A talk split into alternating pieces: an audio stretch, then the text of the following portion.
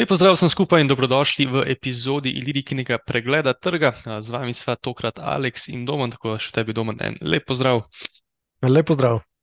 Tako je, ja, mogoče začetek se malce opravičuje, nekaj tednov ni bilo te epizode pregleda trga, ampak sta bila kar eh, polno zaposlena, oziroma smo bili polno zaposleni pri Iliriki z izdajo ljudskih obveznic.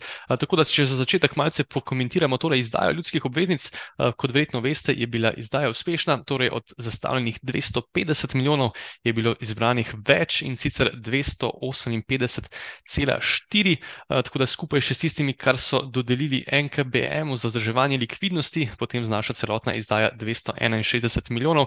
Eh, kot verjetno veste, ne bojo nič proporcionalno zmanjšali izdaje, torej odločili so se, da bo tudi ta preupis, ki je bil izdali. Eh, v času Slovenije, močeš nekaj teh statistik, no, je bilo odprtih 5659 novih trgovalnih računov, eh, poprečni znesek, ki ga je vpisal mali vlagatelj, pa je bil 27410 evrov. Mislim, da iz naše strani je bil ta projekt kar, kar uspešen, tudi zahvalili bi se mogoče Pošti Slovenije. Slovenije za sodelovanje in še za prihodnje sodelovanje z njimi. Uh, tako, tako da, ja, no, če pa se zdaj moče ozremo na same finančne trge. Uh, nedavno so finančni trgi zabeležili izrazite pozitivne premike, uh, pri čemer je recimo indeks SP 500 dosegel novo rekordno raven. Uh, ta vzpon je med drugim povezan tudi s poslovanjimi rezultati podjetja Nvidia, ki so presegla pričakovanja analitikov, torej delnice podjetja so se pospele več kot 15 odstotkov, potem ko je Nvidia poročala o rekordnih prihodkih in tudi podala optimistične napovedi, ki kaže na nadaljevanje rasti, podkrepljene torej z umetno inteligenco. Uh, Krast je, je ključno v bistvu prispeval četrtletni dobiček Nvidia, ki je skokovito narasel zaradi širokega sprejemanja in integracije umetne inteligence v industriji. Uh, ameriški proizvajalec čipov je v zadnjem četrtletju svojega poslovnega leta, torej zaključenem z januarjem, ustvaril 12,3 milijarde dolarjev čistega dobička, kar močno presega 1,4 milijarde iz istega obdobja prejšnjega leta. In ta izjemen skok dobička v bistvu odraža vso večjo vlogo torej umetne inteligence inteligence v tehnološkem sektorju in njeno, tako bi lahko rekli, vse prisotnost v sodobnih tehnoloških rešitvah. Eh, če se moče zdaj ozremo še malce na slovenski trg, eh, so pred kratkim objavili rezultate poslovanja za prejšnjo leto pri skupini NLB. Eh, lani je NLB ustvarila rekordni čisti dobiček v višini 550,7 milijona evrov, obenem pa je tržna kapitalizacija dosegla 2160 milijonov evrov. Večji del izboljšanja dobička skozi leto je bil posledica povečanja čistih obrestnih prihodkov. Ob tem NLB napoveduje izjemno povišanje dividend za leto 2024, saj bodo te dvakrat više kot preteklo leto, z načrtovanim izplačilom v višini 220 milijonov evrov, kar v bistvu predstavlja 40 odstotkov dobička. Eh, banka ostaja zavezana nadaljevanju stabilne rasti in povečanju izplačil dividend eh, s končnim ciljem dviga rentabilnosti lastniškega kapitala po davkih. Eh, kljub nadaljnemu porastu cene njenih delnic, te ostajajo kar atraktivne, upoštevajoč pričakovane poslovne rezultate v letih 2024 in 2025. Za bankami je sicer zelo dobičkonosno leto, moramo vedeti. Ne? Torej, banke v Sloveniji so lani ustvarile skoraj 1,14 milijarde evrov dobička pred davki, kar je 109 odstotkov več kot predlani. Čisti dobiček je bil za nekaj manj kot 1,10 milijarde evrov višji za torej 119 odstotkov.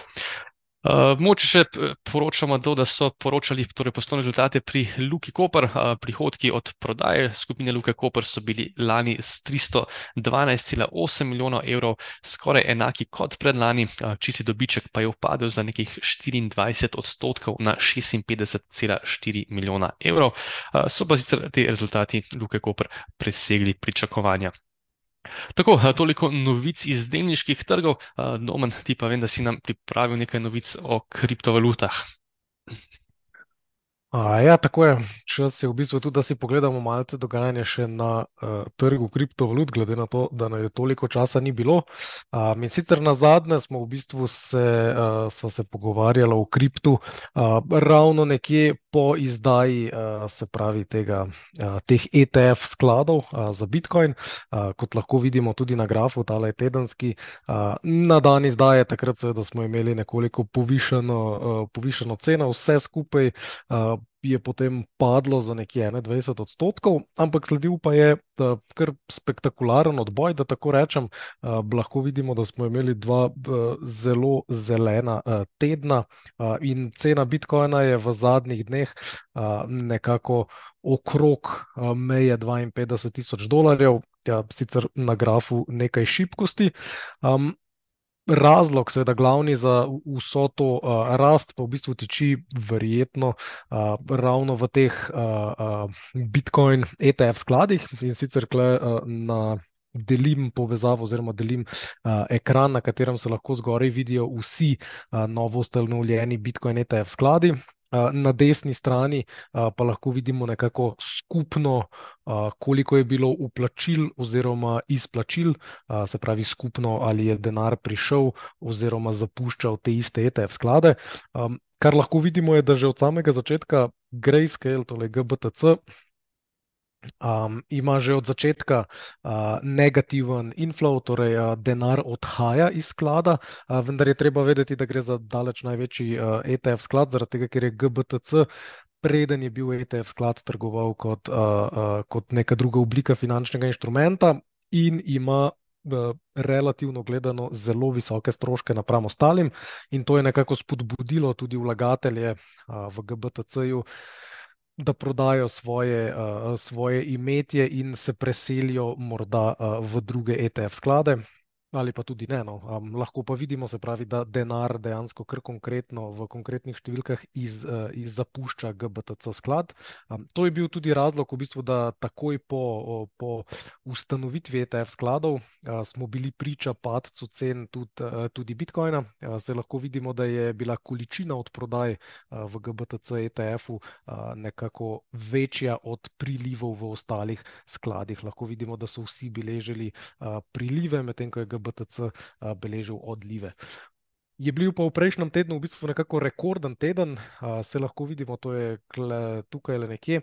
In sicer lahko vidimo, da je da so v bistvu uplačila v ETF sklade presegla tudi, presegla tudi izplačila iz GBTC sklada.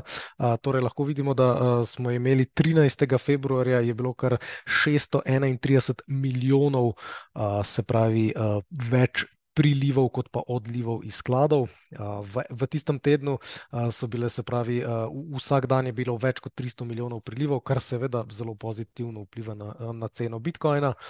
Ustvarja se tudi nek ta tako imenovan FOMO, se ljudje kar naenkrat začenjajo zavedati, da glede na količino bitcoinov in če bi se seveda nadaljeval ta, tako močni, če bi se nadaljevali tako močni prilivi, bi seveda na trgu začenjalo zmanjkovati tudi bitcoinov. Uh, lahko pa vidimo, da smo imeli uh, 21. februarja, torej pred dvema dnevoma, tudi negativen, uh, negativen inflow, uh, torej je bilo več odlivov iz skladov kot prilivov. Uh, tako da to so statistike, verjetno, vsaj z vidika Bitcoina, ki so uh, za spremljati tudi uh, v prihodnje in to tudi dobro odraža nek sentiment uh, nekih. Tradicionalnih investitorjev na borzah, do uh, samih kriptovalut in pa specifično uh, Bitcoina. Uh, Vse po zadnjem času, se pravi, ko je bil Bitcoin deležen v bistvu tega uspeha, torej samih ETF-ov, ki tudi podirajo rekorde, kar se tiče trgovanja v prvih mesecih,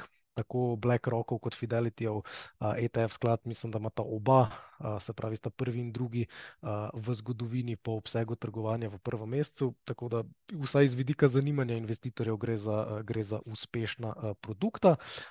Se je pa v zadnjem, recimo, parih tednih povečalo zanimanje tudi na Ethereumu in v bistvu povsem iz podobnih razlogov.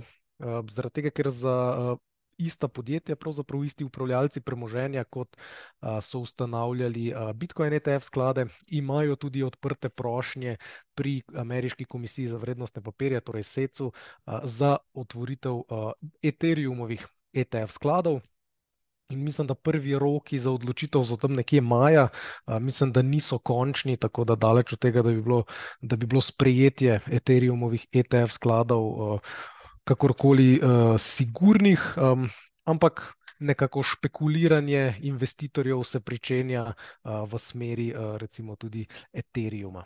Ja, Tok pa mogoče zaenkrat iz, kripto, iz sveta kriptovalut, pa bomo naslednji teden pogledali še kakšne druge aspekte. Okay, hvala ti, Noman, za tole povedano in seveda hvala vsem, ki ste nas tudi danes ponovno poslušali. Zdaj, kot je rekel Domen, se načeloma vidimo oziroma slišimo ponovno naslednji teden, tako da do takrat vsem skupaj nasvidenje. Lepo zdrav.